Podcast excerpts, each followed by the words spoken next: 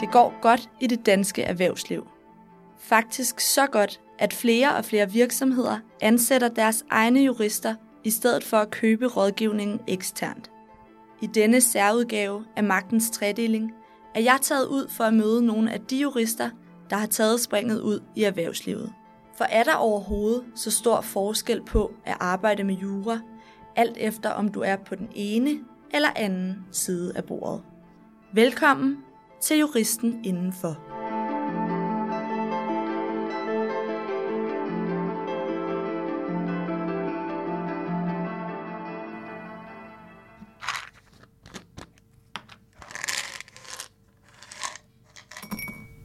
De fleste tænker nok på medicin, når de ser den lille sorte løve på deres præparater fra apoteket.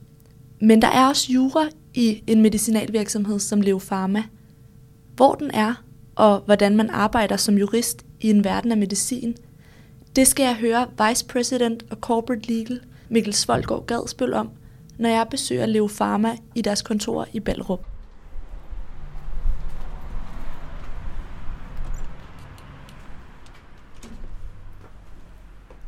Hej. Goddag, goddag. Mathilde, jeg har en aftale med øh, Mikkel Svolgaard Gadsbøl her kl. 12.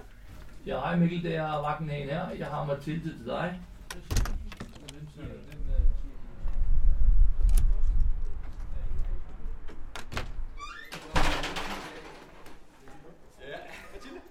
Hej.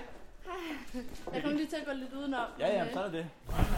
Men, øh, her der er det juridisk afdeling, vi er i, og øh, der sidder folk i kontorer rundt omkring, op og ned ad gangene her. Det er en ny bygning, vi sidder i, og hele juridisk afdeling er samlet her. Øh, der er ikke sådan særlig meget spænding i det, der foregår her. Det er jo typisk øh, computerarbejde, folk sidder med. Så det er forholdsvis stille, eller så er det telefoner, folk snakker i, eller møder. Det er måden, det hænger sammen på. Men øh, i ellers bygningen, så er det øverste etage, der har du øh, den øverste ledelse i virksomheden, de sidder deroppe. Og så, nu går vi ned på første sal, der har du øh, People og Communications, de har første sal. Og så har de også, øh, hvad hedder det, stueetagen, hvor de sidder. Og det er så alle de funktioner, som hører med til primært HR, men også øh, kommunikation internt og eksternt. Mikkel, du er Vice President og Corporate Legal her hos øh, Leo Pharma. Hvad indebærer de her titler? Hvad de indebærer? Ja, Det var et rigtig godt spørgsmål. Altså Vice President, det er den titel, vi har i det her key, vi har af stillinger her hos Leo Pharma. Og så General Counsel, det er den, vil sige, chefjuristen i virksomheden. Så jeg har ansvaret for øh, juraen i Leo Pharma som sådan. Så det er min opgave at sikre sig, at de ting, vi foretager os, øh, holder sig inden for lovens rammer. Øhm, og vi overholder loven, som vi skal. Hvordan har din øh, vej her til øh, Leo Pharma været? Ja, det startede jo med en, øh, en, en opringning, jeg fik fra en af mine søsters veninder, som sagde, at der var nogen, der ledte efter en, der havde sådan en forskningsprofil, jura-forskningsprofil. Og jeg arbejdede tidligere hos Risø, så det var lige spot on i forhold til den profil. Så jeg ringede og snakkede med den, som var leder af juridisk afdeling dengang, og havde en god samtale, og blev inviteret ind til en interview. Og det så gik rigtig godt, vil jeg sige, så jeg blev ansat bagefter, og det er tilbage i 2010, og jeg startede herude. Og så har jeg så været her siden da, hvor jeg så har haft forskellige stillinger undervejs. Jeg har haft, øh, altså det som almindelig jurist, og så var jeg gruppeleder for mit eget team, der min egen chef sagde op på et tidspunkt. Og så blev jeg spurgt, om jeg ville tage ansvar for hele afdelingen til sidst. Hvor mange er I i afdelingen? Vi er øh, totalt set øh, 31, når vi tager alle med i hele verden, øh, hvor de fleste de sidder her i øh, Danmark. Vi har øh, 26 her i Danmark, og så sidder der nogen i USA, sidder en i Frankrig, og så har vi en åben stilling i Kina også. Så det er hele den juridiske organisation. Mange kan måske genkende øh, Leo Pharmas mærke på noget øh, medicin, de køber fra apoteket eller lignende. Men, øh, men hvad har Leo at gøre med, øh, med jura? Altså juraen, den, er jo, den blander sig jo i mange aspekter af det arbejde, vi laver. Når man står som patient og kigger på sin, sin øh, creme, hvis det er en creme, man har købt, så øh, tænker man ikke over, at der er noget jura bag det her andet, end man måske kan tænke, der er noget piratkopi eller et firma i udlandet, der kan prøve at lave noget, der minder om Leos produkt, men så ikke er det. Men øh, lige fra vi starter, øh, en, lad os sige, starter i kæden, at en forsker får en rigtig god idé og godt kunne tænke sig at samarbejde med nogen, så er der jura ind i det. Prøve at få ligesom, lavet forventningsafstemningen med samarbejdspartneren og få skrevet det ned i en aftale til sidst. Så er der ligesom en ramme rundt omkring det. Går vi videre, så kan det være, at det er, øh, når vi begynder at øh, afprøve vores øh, produkter, altså vi starter med nogle dyreforsøg først og går over i mennesker bagefter, der er der også tilknyttet aftaler og jure hele vejen igennem. Øh, det kan være, at der er nogen, der skal udføre det for os. Dem skal vi have aftaler med. Det kan også være, at vi selv ligesom står for den del af afprøvningen.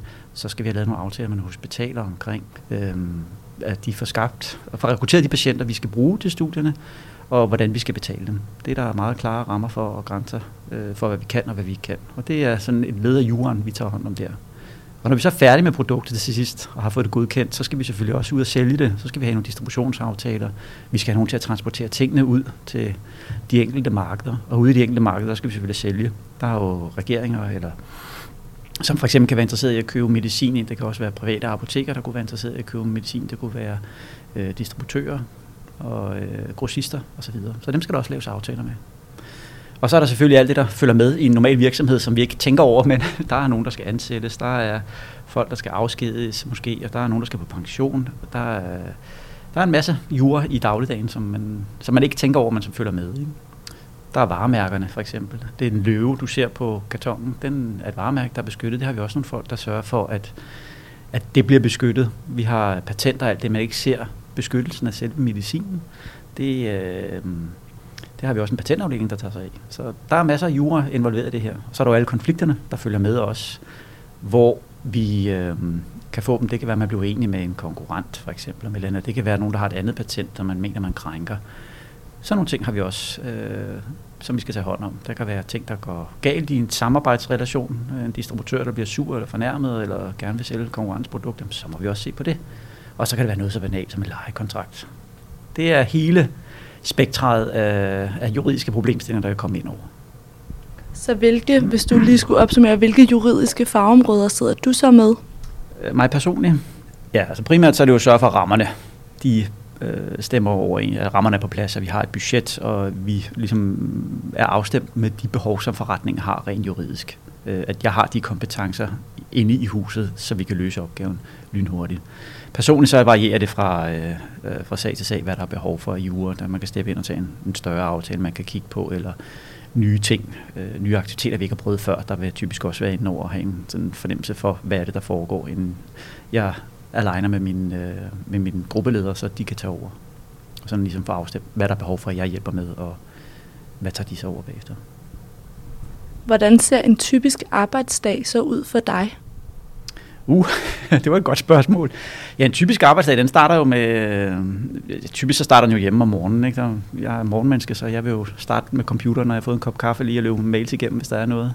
Så er der familie, indtil man får pakket ungerne og får dem afsted om morgenen. Og så er det på arbejde i Ballerup mellem 8-9 stykker øh, normalt. Og så vil der være, typisk være møder. Øh, der vil være nogle, en masse e-mails, man skal svare på. Og så vil der være en masse telefonsamtaler også. Så er der koordinering med min teamleads rundt omkring, og så snakker om, hvad tager de sig af, hvis der er nye sager, er der nogle problemer, vi skal tage hånd om. Det, øh, det er sådan en, en hel dag, og så pludselig så er dagen gået, så er der lidt mere e-mail om aftenen, eller i løbet af aftenen, der kan være, eller ting, der opstår, som man er nødt til at tage stilling til. Det kan også være, at det er telefonkonferencer med kollegaer i andre tidszoner i USA, eller det kan være i Kina. Så man er nødt til at finde et fleksibelt tidspunkt, hvor man ligesom kan møde og, og tale sammen. Hvad ser du som øh, din vigtigste opgave her hos Leo Pharma? Ja, men den vigtigste opgave, det er selvfølgelig at, at sikre, at, at Leo driver en virksomhed, som er lovlig, og vi holder os fri af øh, potentielle konflikter og retssager og kommer i uføre, hvis man skal sige sådan lidt populært. Det er min allervigtigste opgave her. Og hvordan konkret gør du det? Jamen, det gør vi ved den måde, at vi, hvad du siger, jeg personligt gør ikke, men jeg har en masse gode medarbejdere, der hjælper mig rundt omkring. Det er vigtigt at understrege. Det gør vi jo ved at sætte systemer op for ligesom at sige, hvordan kan vi øh, sikre, at vi ikke kommer i fedtefadet, lidt populært sagt. Vi kan gøre opmærksom på problemstillinger, vi kan træne folk i at identificere problemstillingerne, så de kan henvende sig til os og sige, jeg tror nok, jeg står i sådan en situation, hvad skal jeg gøre her? Så ringer man, øh, og så får man hjælp, øh, forhåbentlig, eller så finder vi ud af, hvordan vi får den hjælp, der skal til. Et eksempel, det kunne være helt konkret, det kunne være øh, persondata. Øh, vi er i gang med at implementere, implementere GDPR i Leo Pharma, at folk står og siger, hvad er det nu det her? Jeg står med en fødselsdagsliste her i kopirummet. Må jeg have den hængende, eller må jeg ikke have den hængende? Hvad skal jeg gøre? Det er et konkret spørgsmål, men sådan for at skabe en viden om, hvad vil det sige persondata? Hvad er det, jeg skal være opmærksom på som medarbejder, når jeg øh, har med persondata at gøre? Det er jo først at sige at give folk øh, en viden om, hvad det drejer sig om, og så bagefter træne dem i dem, så de kan sige, det må jeg, det må jeg ikke, det skal jeg være opmærksom på.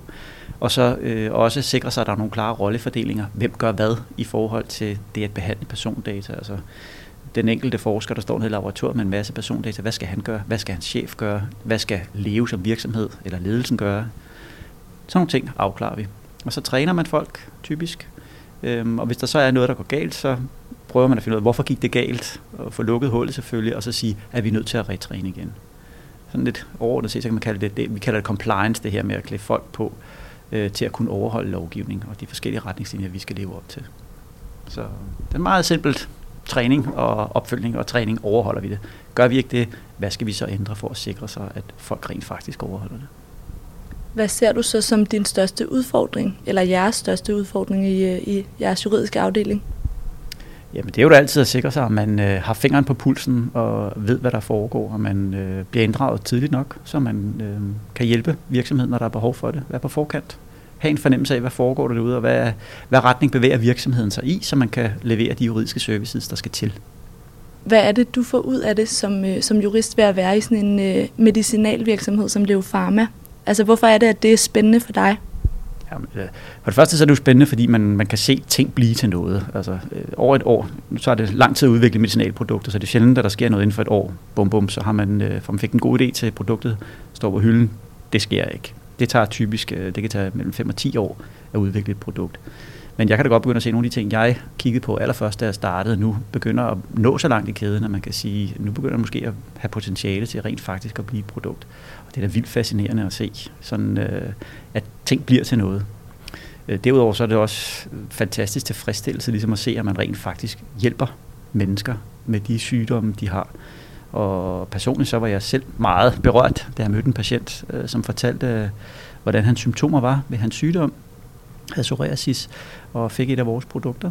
Og bagefter så hører ham, hvordan han udtalte sig om, hvor, hvordan hans liv var forandret. Det var, så man fik små øh, gåsehud på, på huden bagefter. Ikke? Det var virkelig rørende at så se, at det rent faktisk betyder noget. Og det er, en, det, det er ikke så jordnært i dagligdagen, fordi man er længere væk fra patienten, der står og får produktet. Men når man så hører, hvad det betyder for dem, og det er jo generelt for alle former af medicin, øh, så bliver man da stolt over det, man laver, og at man bidrager som et tandhjul i den store mølle, der er til at få de her ting til at ske.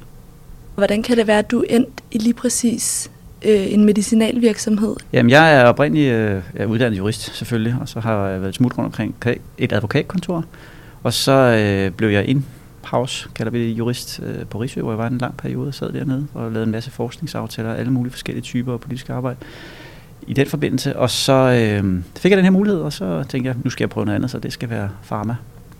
Og så endte jeg jo herude, fik et job og har været her lige siden, og synes, det er super spændende. Det er, der sker rigtig mange ting.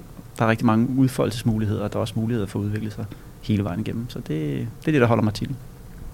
Hvordan oplevede du øh, overgangen fra da du var i et advokatkontor, og så til du kom ud i en virksomhed? Det er, jeg vil sige, det er en helt anden rolle, man får. Altså man skal håndtere mange flere ting, hvor du siger, at det er dagligdags ting. Øh, man har ikke nødvendigvis muligheden for at fordybe sig så meget, som man kan på et advokatkontor og sige, jeg sidder med bestemte sagsområder. Der kan du få, når du kommer ud, så siger du, så har du hele paletten af ting, du forventer sig at tage stilling til og kigge på.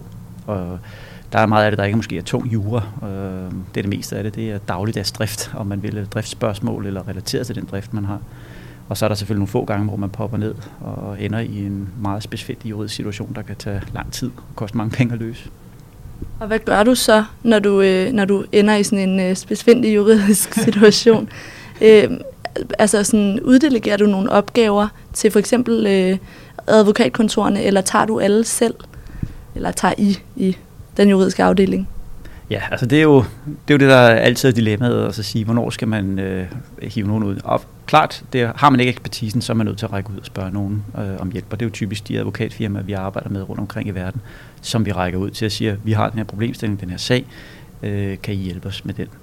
Men så når vi kigger på det generelt, så, så har vi et løbende samarbejde med, øh, med mange advokatfirmaer rundt omkring i verden. Og det, der typisk er kendetegnende for, hvornår vi lægger opgaver ud. Enten er det et område, vi ikke har ekspertise i, eller også er det så stor en volumen, at vi ikke selv kan løfte og er nødt til at få noget bistand udefra. Men ellers så prøver vi jo at have altså i kerneydelserne, som vi ofte ser, som der er brug for i dagligdagen, dem har vi in-house. Hvad kunne det være for nogle opgaver, I ligesom deler ud? Altså er der, er der specifikke øh, fagområder, I altid giver ud?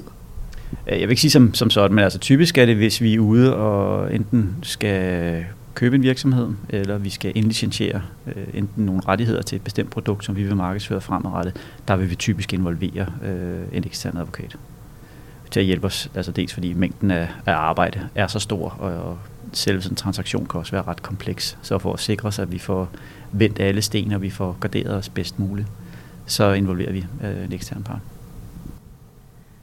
Nu nævner du jeres øh, samarbejde blandt andet også med advokatkontorerne, og at I er mange jurister her. 26, sagde du. Det er ikke alle sammen jurister. Men... Nej, okay. Men jeres, jeres afdeling, ja. Men, øh, men hvor rekrutterer I kollegaer fra? Det gør vi for mange steder. Altså, en af de store kilder, det er mange af juristerne her, de har advokatbestanding ved siden af. Så de er oprindeligt startet på advokatfirma, øh, og så enten er hyret herind til os direkte fra advokatfirmaet, men der er også nogle enkelte, der har været andre steder, altså har været ude at arbejde i en anden farmavirksomhed i en, i en årrække og kender øh, den farmaceutiske industri. Og skal vi se på det sådan rekrutteringsmæssigt, så er det ideelt, så man må gerne have nogen, der kender det område, som øh, vi arbejder i, den farmaceutiske branche. Så kan vi få nogen, og det er jo typisk ved at snuppe nogen fra ens kollega eller nogen af deres medarbejdere, søger job og synes, det kunne være spændende at prøve et andet selskab, øh, så gør man jo det. Men, øh, men, men ellers er advokatfirma, de kommer fra. Og jeg kunne da godt opfordre flere til altså sige, overveje, at advokatfirma det er et sted at starte. Man får en rigtig god grunduddannelse, og den er vigtig og god ballast at have, når man arbejder videre. Men øh, der er bestemt også muligheder udenfor, øh, som man kan se. Altså søge, at der er mange virksomheder efterhånden, som begynder at etablere deres egne juridiske afdelinger, og sådan få foden indenfor og se, hvad er det for en type arbejde, om det tiltaler folk. Der er mange, der er, der er rigtig glade for at komme ud og arbejde in-house, når de først kommer. Fordi der netop er den her, man, man har en herre, ligesom, og det er virksomheden, mans interesser, man skal tjene, og man kan rent faktisk se, at man har mulighed for at bidrage til at opnå nogle resultater i sidste ende. Så det er da helt klart en karrierevej også at overveje at tage farmabranchen som sådan, eller in-house i det hele taget. Hvordan oplever du, det er at sidde her sådan på den anden side, altså i forhold til at sidde for eksempel på et advokatkontor? Øh, hvordan mener du med at opleve det? Altså, det Jamen, altså hvad, hvad tænker du forskellen er? Ja, altså, forskellen det er jo, at, at, at, øh, at du har meget mere dagligdag. Altså, du har også en dagligdag, det er bare en anden form for dagligdag, end den du har på advokatkontoret dine klienter, det er, din del af dig og den samme virksomhed, som du er med. Så du kan tillade dig, at, øh, du er nødt til at have en, en anden form for relation til dine egne kunder. Du skal vide, hvad det er, de har behov for. Du er nødt til at kunne kommunikere med alle øh, på alle niveauer i virksomheden, fordi hvis ikke du kan det, så kan du ikke løse den opgave, som virksomheden har behov for, at du løser. Så, øh, og så altså, arbejdstid er noget andet, ikke? og variationen i opgaver kan også være noget andet, at man netop har mange forskellige typer af opgaver, øh, man skal løse i løbet af en arbejdsdag. Hvad giver det så dig personligt, at du har så mange forskellige opgaver? Jamen, det giver jo øh, udfordring og variation. Altså, der er jo ikke noget sjovere end at få en opgave, man ikke lige ved, hvordan man skal gribe an, og så, siger man, så sætter man sig ned og tænker, og så lad mig ringe til en ven for at se det, ikke? eller snakke med mine kollegaer, hvordan skal vi adressere den her, og så få ligesom hånd om opgaven, og så begynde at løse den fra en ende af, og, og så vise, at man rent faktisk kan komme i mål med den bagefter. Det er, det er stærkt tilfredsstillende, vil jeg sige, det der. Og så vil jeg sige også, at netop igen, at det, man gør en forskel. Det betyder noget. Det er, man kan se, at man har en, et, man sætter et fingeraftryk på virksomhedens drift. Box.